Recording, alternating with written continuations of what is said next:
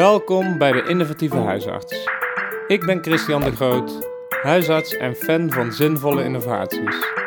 Want ik ben ervan overtuigd dat de beste zorg nog niet bestaat. Nog niet.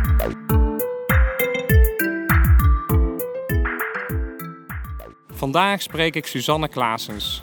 Ze is huisarts met een voorliefde voor chirurgie. In haar maandelijkse chirurgie-spreekuur ziet ze patiënten samen met de specialist.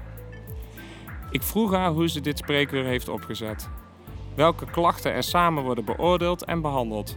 En natuurlijk wat patiënten ervan vinden. We zitten in de jaarbeurs in Utrecht tijdens de Dutch Health Week. In de vorige podcast hebben we daar al iets over verteld. En daar heb jij ook iets verteld over jouw uh, anderhalve lijnszorg, wat je hebt opgezet. En ik vond het een leuke bijeenkomst, georganiseerd door de aanjagers van technologie. En hoe ben jij hier terecht gekomen? Hoe hebben ze jou gestrikt? ze hebben mij heel goed weten strikken. Uh, ik heb uiteindelijk meegedaan aan een soort pilot bij ons in de praktijk over wondzorg. En via hun ben ik met de jaarbeursorganisatie in uh, gesprek gekomen. En die hebben mij weer gekoppeld aan Niels, die aanjager van de zorg is voor innovatieve projecten, zeg maar. Ja, ja. Ik vond het heel krachtig omdat juist de jonge generatie, nou de naam zegt het al, aanjagen. Uh, ons wil aanjagen om die veranderingen. Uh, en om, het gaat om hun ja, ook onze toekomst. Hè. Zo oud zijn we nog niet. Nee. Maar, um, Voordat we verder gaan wil ik graag twee stellingen voorleggen. En dan mag je alleen ja en nee op antwoorden.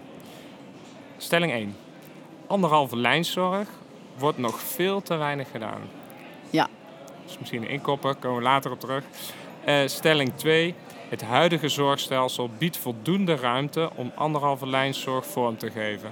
Nee. Nee. Oké, okay. nou, uh, interessant. Komen we later, uh, later op, op terug. terug. Um, Waarom jouw voorliefde eigenlijk voor chirurgie? Want je bent huisarts. Ja, dat klopt. Uh, toen ik mijn uh, geneeskundestudie af had, rolde ik in het uh, chirurgiegedeelte. Daar ben ik toen in het Rijnstaat en Arnhem en later ook in Radboud in Nijmegen gewerkt, zeg maar. En dat vond ik superleuk. Maar daar kwam ik tegen dat je heel erg beperkt wordt door het ziekenhuis. Hè? Bestuurders en bazen waar je aan moet houden. Toen dacht ik, dit is niks voor mij. Ik word echt eigen baas. En dat kan niet hier, dus toen ben ik vertrokken. En uiteindelijk uh, de huisartsopleiding gaan doen. En vanuit daar, toen ik huisarts was, is het eerste wat ik zei... ik zorg in ieder geval dat de chirurgie spreker bij mij is. Want uh, ik wil die expertise blijven behouden. En een vriend van mij die ik bij, vanuit Radboud al kende... die zat in het ziekenhuis in de buurt. En die heeft toen uh, met mij samen zeg maar, dat spreker opgezet. En dat je dus al een, al een hele tijd. ja, ik. sinds 2015. Ja, sinds 2015 ja. hebben we dat. Het eerste moment dat je vanuit die segment 3 gelden kon starten, hebben wij hem aangezet, zal ik zeggen. Dus het idee is al begonnen voordat jij de opleiding ging doen. Dat je dacht van, ik wil hier iets mee. Ik ja, ga dit wel... Ja. Uh... ja. toen ik wegging bij de chirurgie, toen belden ze nog, ah, je moet blijven. En toen dacht ik, ik ga niet in de structuur zitten. Ik heb een hekel aan als iemand tegen mij zegt wat hij moet doen. Dat ga ik zelf bepalen, dacht ik. Uh, ik lijk wel een van mijn dochters van drie, vier die dat ik doe dat zelf. Oké, en die, uh, uh, vanuit daar heb ik dat bedacht. En zo zijn we er eigenlijk ingerold. Toen kwam net dat segment drie gelden vrij. En werd er gezegd, nou, als je daar een aanvraag voor doet, wordt het nu snel toegekend. Ja, ja. Die hoop had ik toen nog. Ja. Um, nou ben ik natuurlijk heel erg benieuwd van... Je had het idee. Hoe ben je begonnen? Hoe, want je hebt ja, toch wel heel wat werk voor moeten verrichten voordat je daadwerkelijk kon beginnen. Ja, nou ja, via de, je hebt zo'n, bij ons is dat één keer per jaar het gesprek met de verzekeraar en uh, over hoe het komende jaar gaat. En daar werd gezegd dat er zeg maar drie mogelijkheden waren. En daar heb ik toen een aanvraag voor gedaan. Er moest een business case geschreven mhm. worden, met de verzekeraar om tafel gezeten. Kostenbesprekingen, er moest van alles uiteengezet worden alvorens die aanvraag kon. Uh, en uiteindelijk hebben ze toen met het uh, tariefbepaling en uh, een plan gemaakt, dan is het ingezet. Ja. Um, je bent begonnen en je hebt zelf een, een, gezondheidscentrum of een ja, groepspraktijk. Ja, ja. Welke patiënten zie je? Zijn dat de mensen van, die bij jou staan ingeschreven of van de hele praktijk? Hoe, uh, hoe gaat dat?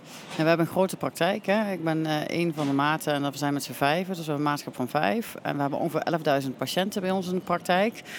En op het chirurgiespreker komen de uh, patiënten die je normaal niet in een regulier chirurgisch uh, ingreep zou zien. Hè. Dus de mensen bijvoorbeeld iets die op een borstkast hebben die wat ingewikkelder zijn. Of als het iets is uh, bij mensen met multipathologie of met moeilijke medicatie. Maar ook de mensen met acnes bijvoorbeeld, die worden anders doorgestuurd naar het ziekenhuis. En wij doen de acnes-injecties zelf. Mm -hmm. Eerst, eerste keer een keer met de chirurg en daarna doe ik die. Um, uh, ja, en ook uh, kleine uh, ingreepjes bij oude mensen waar je van zegt, ja, moeten we dat nog wel doen? misschien om wat, wat comfort te krijgen, die doen we dan bij ons op de praktijk. Of zelfs wel eens bij de mensen thuis om te kijken hoe het moet, zeg maar, of, of dat we ze kunnen redden. Maar ook um, consulten, vaak bij liesbreukproblemen. Die mensen willen allemaal geopereerd worden. Maar als ik dan uitleg dat het in eerste instantie niet per se moet en de chirurg bevestigt dat, ja, dan kun je het vaak veel langer trekken of rekken of wat uitleg over geven. Dus Ja, dat zijn, ja. eh, zijn meer consulten, eh, maar ook ingrepen. Ja, ja. Ehm, je doet het nu voor je eigen patiënten. Zou je dat voor meer mensen kunnen of eh, willen doen? Of, Ja. eh, Ja, binnen onze praktijk doen we het dus wel voor elkaar. En dit jaar, omdat wij met ons in de, in de regio, dus eh, met heel Noord-Limburg naar een nieuw eh HIS-systeem zijn gegaan, HIX, is het waarschijnlijk wel mogelijk om dat voor meerdere praktijken te gaan doen. Ehm, en voor mij zou dan de intentie zijn om onze spreekuur inderdaad goed rendabel te blijven houden, omdat we gaan doen. Maar ik wil niet me specialiseren, specialiseren als een soort chirurg, dat ik dan geen gewone zorg meer zou willen. nee, nee. Nee, dat is niet mijn intentie. nee. En die chirurg eh, die komt naar jouw praktijk of heb je daar een aparte eh, locatie Die- nee, voor? die komt bij ons in de praktijk. We hebben Ah, onze ja. behandelkamer erop aangepast dat daar de chirurg kan komen. Maar we hebben ook een eh, contract met de gynaecoloog. Hè. Mijn collega is eh kaderhuisarts urogynecologie en die heeft ook de gy- gynaecoloog geregeld. Maar daardoor hebben we andere banken en meer materieel en eh, wel aangepast op het spreekuur. Ja. Dus je hebt eh, eigenlijk een soort eh, anderhalf lijnscentrum Ja, zelf gecreëerd op die zeker manier. Zeker zo, ja. We willen meer. Ja, wat, en- wat, hoe ziet dat er voor jou uit dan? Nou, ik denk dat er meer mogelijkheden zijn om zeg maar, de tweede lijn meer naar de eerste lijn te halen. Zodat wij onze eerste lijn kunnen versterken en er minder verwijzingen nodig zouden zijn. Dus dat zou een mooi idee zijn, denk ik. Maar bijvoorbeeld met eh, eh, cardioloog kan je heel veel met hartfalen overnemen, denk ik. Of dat je die gewoon kan invliegen of een keer contacteren. Of, eh, ik denk dat dat niet eens per se fysiek zou hoeven, maar ook Mhm. digitaal of iets dergelijks. Ja.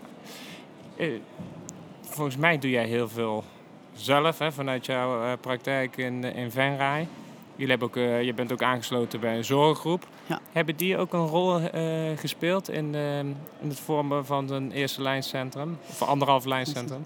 Nee, we hebben toen in eerste instantie het spreker zelf opgezet omdat eh, ja, mijn passie daar lag. Dat is toen gelukt. En toen hebben we geprobeerd meerdere praktijken mee te krijgen via de zorggroep. En daar zijn wat wisselingen in het bestuur geweest. En toen is corona ertussen gekomen. En dat maakt dat het een heel traag traject is geworden. Ja, en toen dacht ik, nou, we regelen het eerst zelf. En dan kan de rest mee of aanhaken, zeg maar. Ja, ja. Nee, die hebben niet heel veel ondersteund nog. Nee. En gebeurt dat al? Zijn er eh, eh, collega-praktijken in de bu- buurt die, eh, die jullie voorbeeld eh, eh, gaan volgen? Ik heb wel gesprekken ook gevoerd met collega-praktijken die in, inderdaad eh, in Venlo zitten. Dat is relatief dicht in de buurt, die dat willen gaan doen. En daarvan heb ik geadviseerd dan onze blauwdruk te gebruiken om verder te gaan. Maar dan merk je dat er toch veel stroperig is om de volgende stap te kunnen zetten. En, en wat maakt het eh stroperig?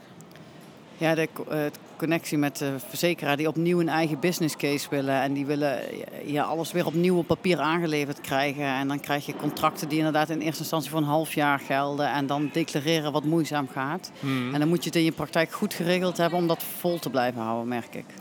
Want hoe heb jij dat eh, vormgegeven, die declaratie?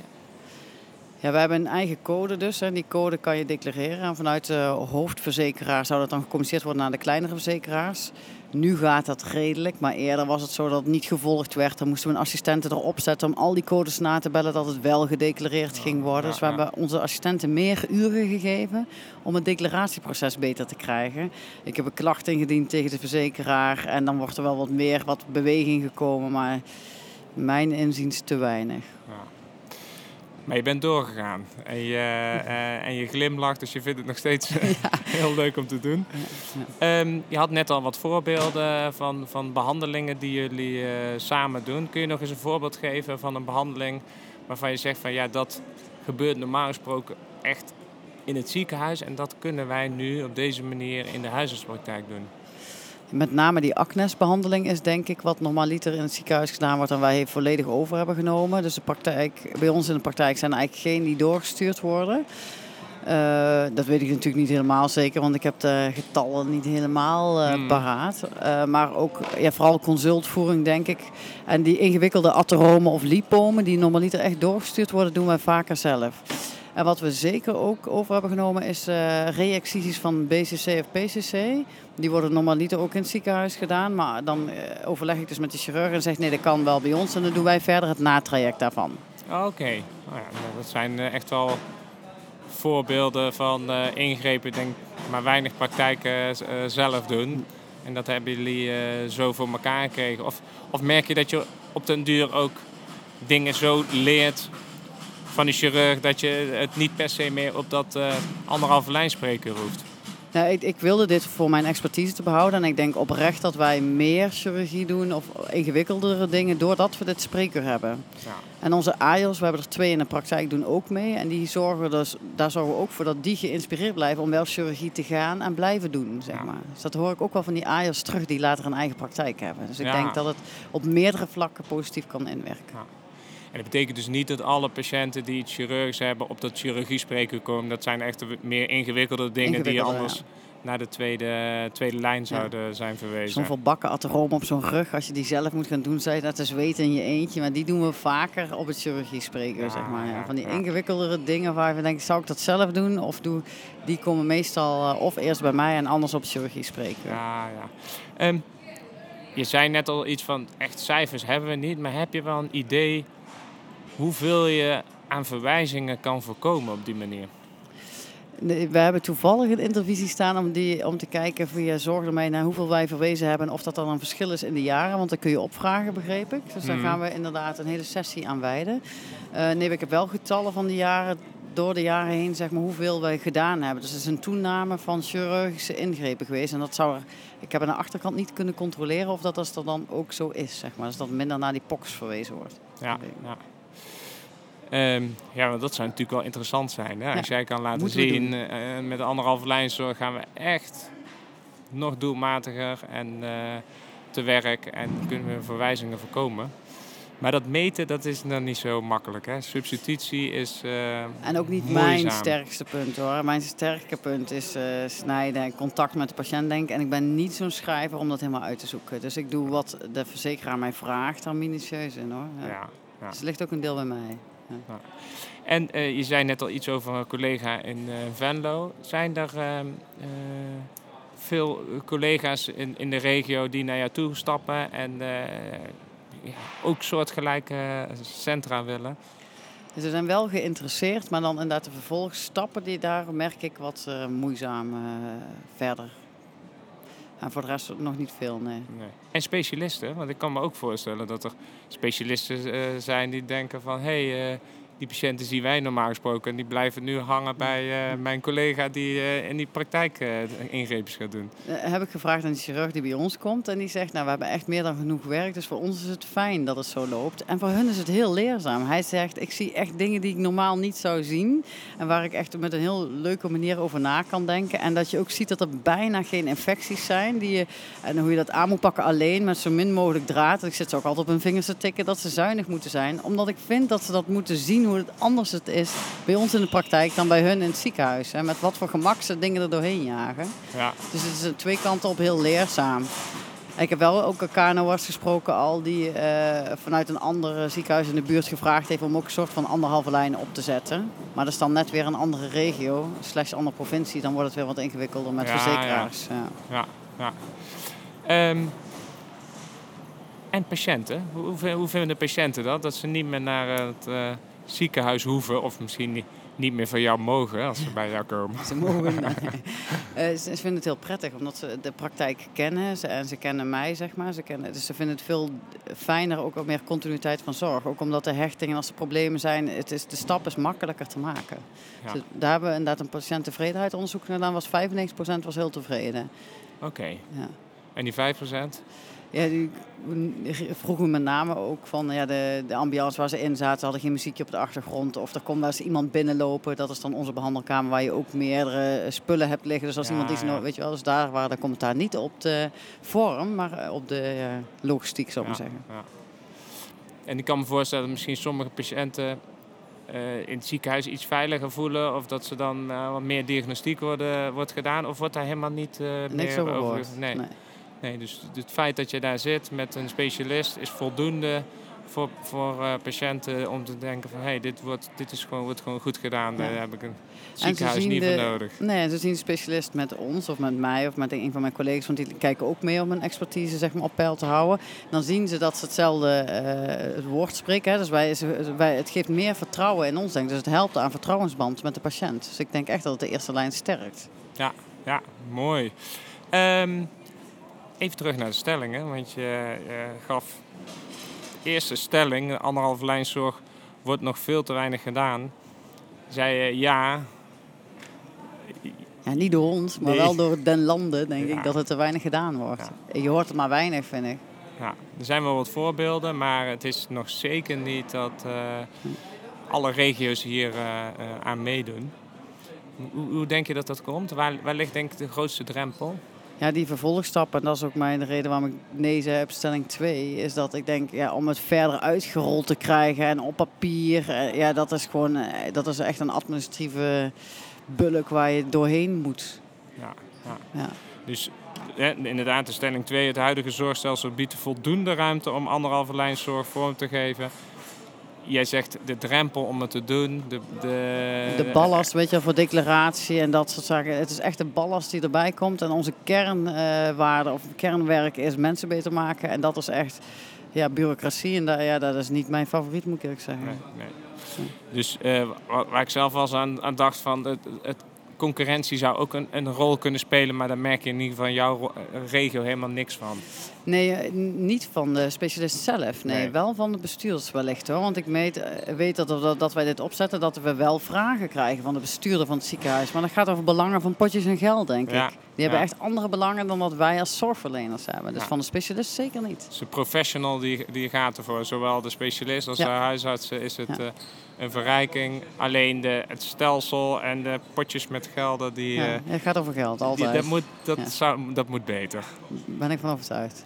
Ehm, als je het nog wat, wat breder zou trekken. Ehm, nou ja, we hebben het eigenlijk al een beetje over gehad. Van wat moet er nou echt gebeuren om meer ruimte hiervoor te bieden? Dat meer huisartsen hier warm voor worden. En dat specialisten de ruimte krijgen om hiermee aan de slag te gaan. Hey, ik hoop dat onze praktijk een blauwdruk mag vormen zeg maar, om het verder in de landen uit te mogen rollen. Eh, en dan denk ik, als je er zeg maar, zo, niet iedereen opnieuw het hele wiel uit hoeft te vinden, dat het voor meerdere praktijken mogelijk zou kunnen zijn. En dat je echt een stevigere eh, eerste lijn krijgt. Dat denk ik echt. Ja, ja. En, en de rol van de, de huisartsenorganisaties, de zorggroepen, hoe, hoe kijk je daar tegenaan?